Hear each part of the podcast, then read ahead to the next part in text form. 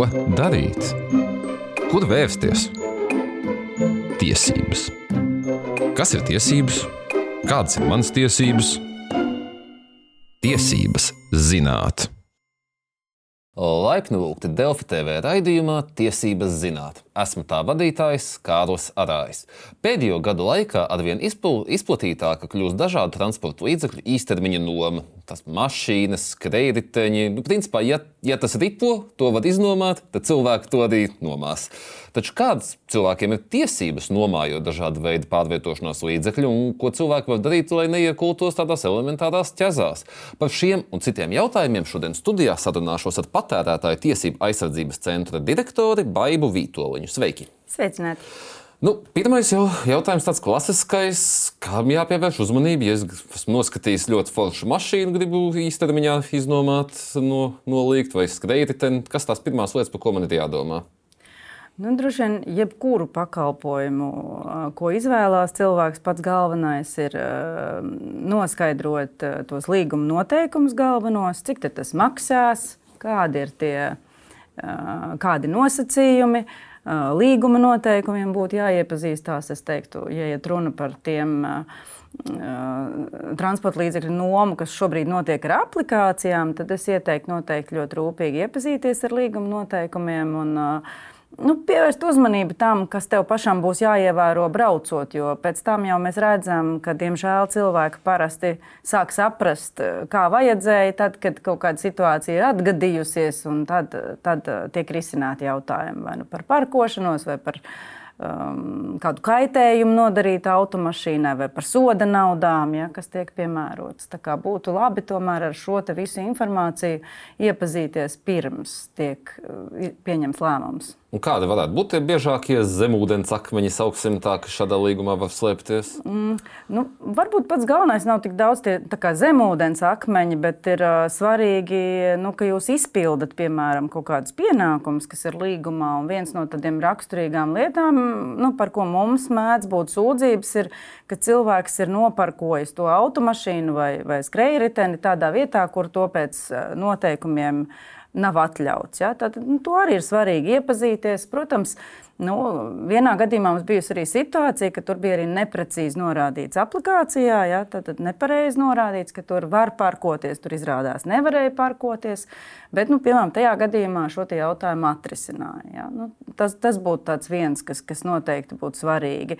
Tāpat par um, uh, drošības depozītiem noteikti, kas jums būs vai nebūs jāmaksā, kādā kārtībā jūs varēsiet saņemt atpakaļ. Nu, ja runā par ilgtermiņu, tādu jau mašīnu nomu pārsvarā turismā, tas jau būs kaut kur varbūt ārzemēs. Mm, tad, protams, ir svarīgi skatīties, vai mašīnai nav kaut kādi defekti. Es ieteiktu noteikti arī fotografēt, arī nododot fotografēt. Diemžēl pēc prakses mēs tomēr redzam, ka gadās tādas situācijas, kad, kad ir nu, neskaidrības, kāda tad īsti bija nododot. Principā pašiem jāizveido kaut vai priekš sevis tāds pieņemšanas, nodošanas akts bez mazliet visām bildēm, ar visu. Un, vai Latvijā ir gadījumi tādi, kad uh, mēģina varbūt nepamatoti pārmest cilvēkam, ka ir kaut kādi bojājumi. Es arī domāju, tieši īstermiņa gada īres.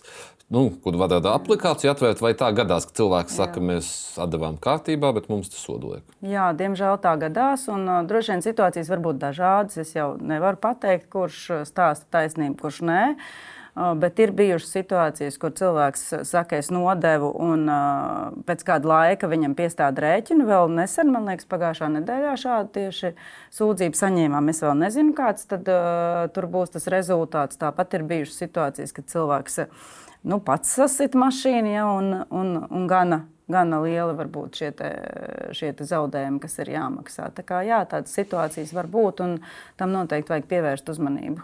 Mm -hmm. uh, un uh, kurš vispār ir likuma priekšā atbildīgs par to mašīnu? Tas, kurš izīrē, vai tas, kurš ir izīrējis? Mm, nu, droši vien jāskatās, kādā nozīmē likuma priekšā nu, ir atbildīgs. Pār... Protams, rēķinu atsūtīs par sodu naudu komersantam, kas jums izīrē to mm -hmm. automašīnu, bet uh, visticamāk, ka viņam būs tāda līguma noteikuma, kur paredzēs uh, šī soda naudas piemē, uh, pārsūtīšanu. Uh, jums. Parasti tas ir arī ar nu, kaut kādu administratīvo maksu virsū, tad virs šīs soda naudas.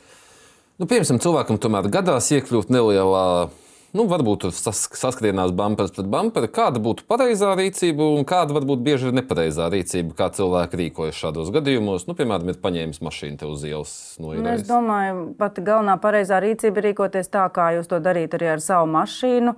Tad vai nu saskaņotais paziņojums, vai nu policija atkarībā no tā, kāda tā situācija ir radusies.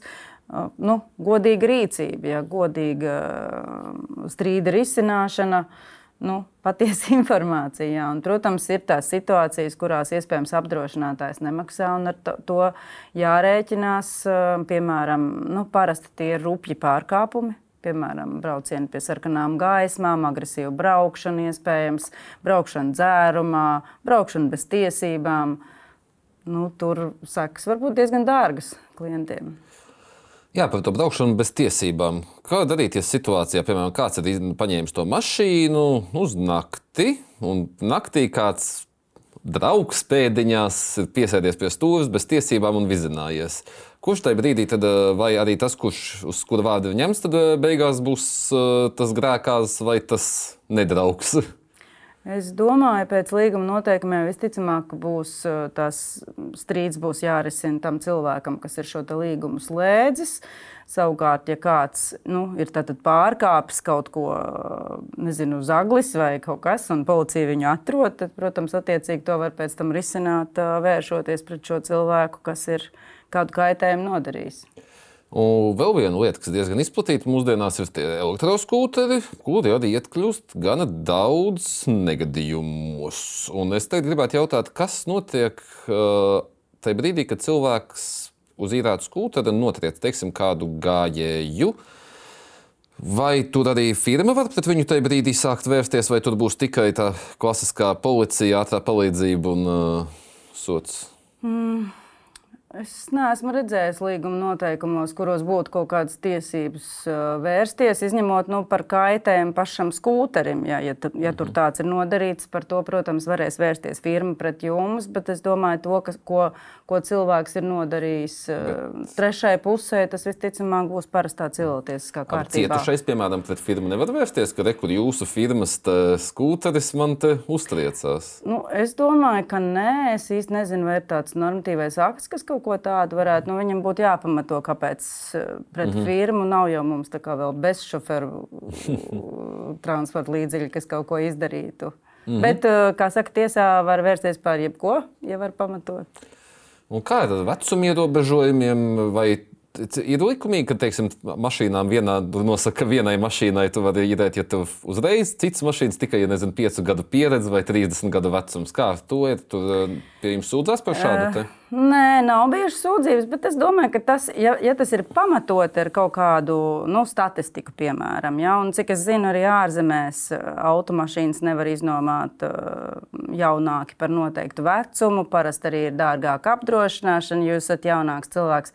Ja tas ir balstīts uz statistiku, tad es domāju, tāds, tāda situācija var būt. Mm.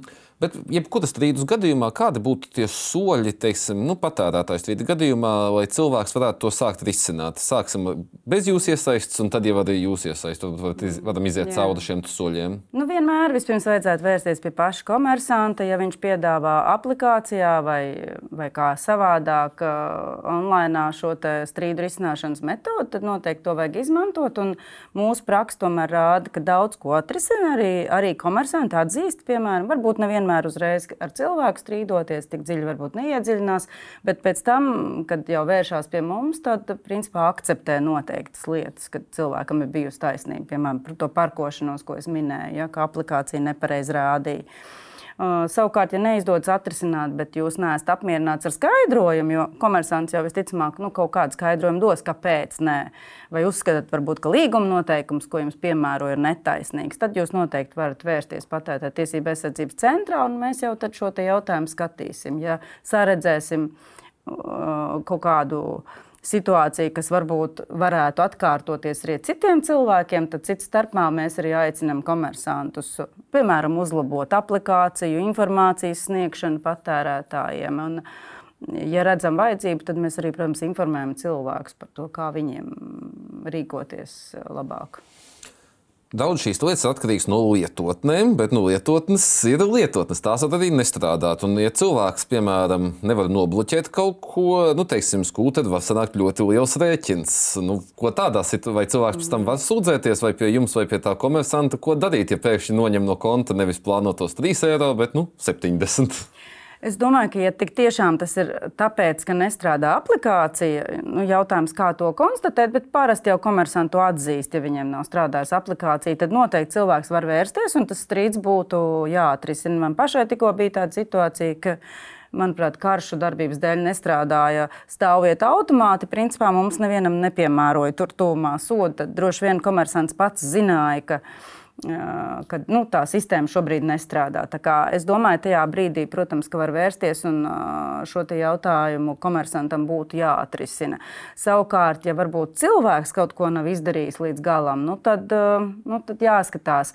Viena no lietām, par ko mums cilvēki ir vērsušies, tieši līdzīgām ir, ir bijis. Un, Un, un tas viens no risinājumiem varētu būt regulāri atgādinājumi, vai jūs vēl izmantojat. Ja stāvvietām ir praksa tāda, vai jūs vēl turpināt stāvēt, lai atgādinātu cilvēkiem, jo, diemžēl, mēs bieži arī aizmirstam apturēt. Ja.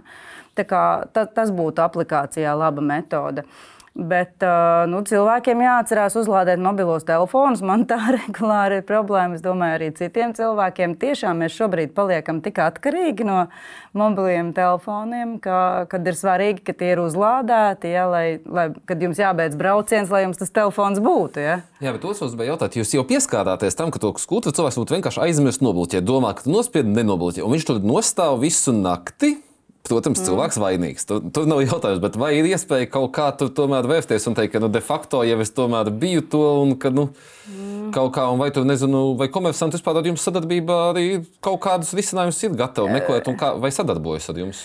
Mums vispār sadarbojas. Es, man grūti pateikt, vai bijis tieši šāds gadījums, kad cilvēks vienkārši ilgi nostāv. Bet, uh, tāpēc, ka pats kļūdījās. Ja, bet, um, nu, varbūt kādreiz sistēma arī nenostrādā. Jūs nospiežat, varbūt nesagaidat, kamēr noreaģējat. Tam līdzīgi. Es domāju, vienmēr var jautājumu risināt ar komersantu un tad, protams, skatīties. Tas nekad nav zaudēts. Ja, tā, tā kā, nu, Jūs jau tik brīdim pieminat visādas stāstus iz dzīves, tad varat arī pastāstīt kaut kādus tādus tipiskākos. Jūs jau minējāt, tur viens bija, kas vēl varbūt ir. Mm. Tieši ar šiem tādiem. Nu, jā, tās mums ir bijis tieši par tām um, par, tā, par to, ka apstājās varbūt neatļautā vietā. Ja, piemēram, ir bijusi situācija, ka cilvēks brauc cauri parkam, un man šķiet, viņam beidzās laikam nauda.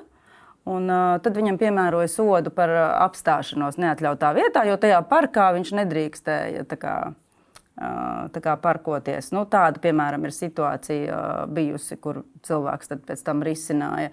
Tad mums ir bijušas arī situācijas, kur cilvēkam piemēro diezgan lielu, ļoti nopietnu sodu naudu par mašīnas sasišanu ceļu satiksmes negadījumā, kurš nu, kur rezultātā faktiski iespējams bija nopietni pārkāpt ceļu satiksmes noteikumi, ko savukārt strīda risināšanā mums vismaz cilvēks nestāsta. Ja, kā, protams, tas arī nevienmēr ir tā, ka mums cilvēki pastāsta visu, visu taisnību. Uh, Nu jā, tad tieši par to, ka nevar nobe vai nav nobeiguši pareizi vai kaut kādas tam līdzīgas lietas, varbūt arī kādi soda naudas, ja, kas, kas tiek piemērotas par kādām pretiesiskām darbībām. Nu, piemēram, noparkojies ne tajā vietā, policija uzliek soda naudu, tad, protams, pēc tam tev attiecīgi piestāda šo rēķinu. Ja. Nu, tāds, tādi, es teiktu, galvenie, galvenie strīdus jautājumi bijuši.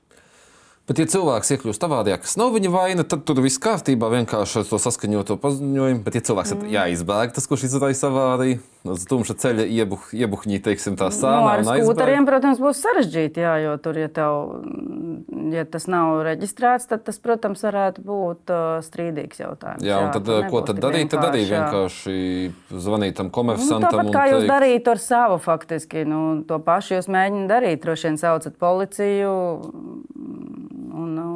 reģistrēt šo te, mm, situāciju. Bet, principā, ja aizbrauks, iespējams, ka tad jums arī nu, tad nevarēsiet atrisināt. Un kā ir šitiem, šādām lietām, kā teiksim, dabas parādības? Nesen, piemēram, krusta bija, nu, gan jau kāds bija mm. paņēmis tajā brīdī kādu īres mašīnu, un gan jau kāds krustas grauds arī trāpīja pa kādu stiklu. Kas tad, eh, ko tad darīt? Vai tas ir force mažors, nav, ko tad cilvēks? Tas ir interesants jautājums. Es godīgi sakot, nezinu, kādas, eh, kādas apdrošināšanas polises šobrīd izmanto komersanti un ko viņi uzliek tieši klientiem. Tas būtu jāpēta.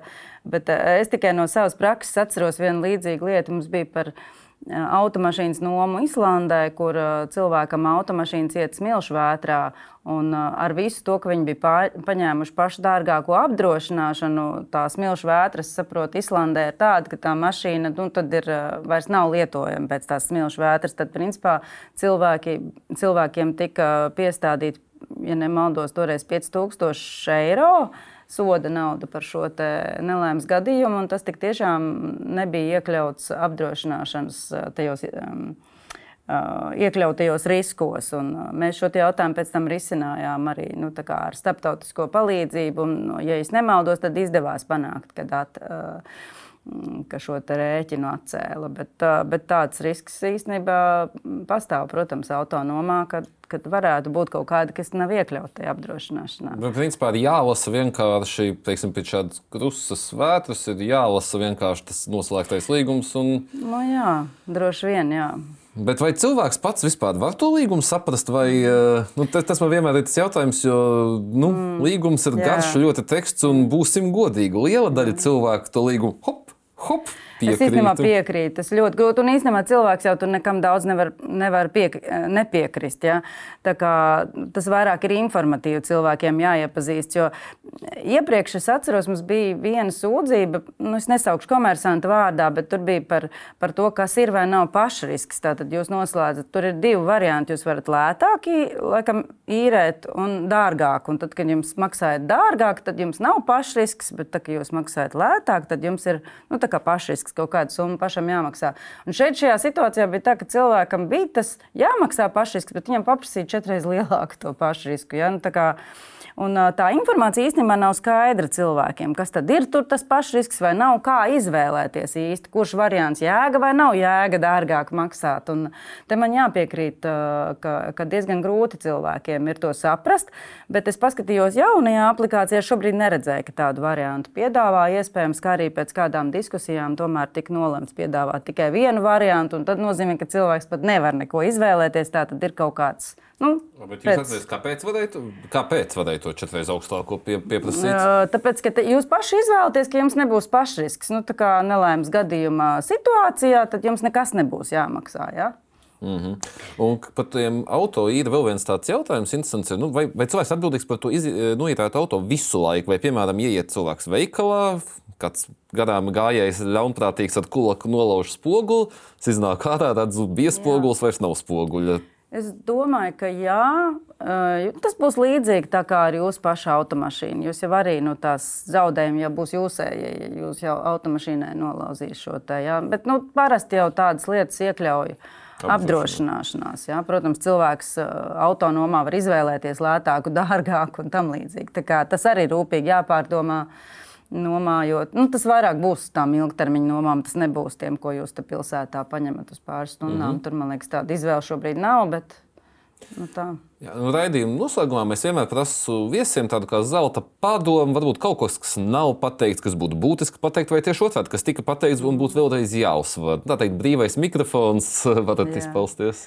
Nu, man liekas, pats galvenais ir tas, ar ko es arī sāku, ka cilvēkiem izvēloties kādus pakalpojumus, it sevišķi tādus, ko varbūt neizmanto ikdienā, ļoti svarīgi ir iepazīties ar galvenajiem noteikumiem, it sevišķi tiem, kas jums ir jāievēro, ja kaut kāds, kas jums ir uzlikts. Un, tomēr paskatīties visu, kas tajā aplikācijā ir iespējams izlasīt, un, un, lai jūs zinātu un nepārkāpt kaut kādas lietas. Ja, un tad darīt tā, kā, tā kā šajās noteikumos ir rakstīts. Ja. Nu, Zelta padomus tad vienmēr izlasām līgumu. Vienmēr izlasām vismaz galvenos noteikumus. Es piekrītu, ka visi līgumi jūs, nu, nu, es neticu, ka kāds cilvēks izlasīs visus līguma noteikumus eh, šiem te, bet izlasīt vismaz tās lietas, kas ir nu, pamatnoteikumi. Tas ir cenas, varbūt kaut kādas ir, nav apdrošināts, kur parkoties. Nu, tās galvenās lietas, kas ir svarīgi jums zināt, izmantojot. Un ar šo Un fotografēt. Jā, foto. Un fotografēt. Fotofiksācija, video fiksācija, viss Jā. vienmēr. Jā. Un ar šo es teikšu jums paldies par sarunu. Bet, dārgie skatītāji, klausītāji, ar jums tiksimies jau pēc divām nedēļām. Un atcerieties, mums visiem ir tiesības zināt savas tiesības. Atā!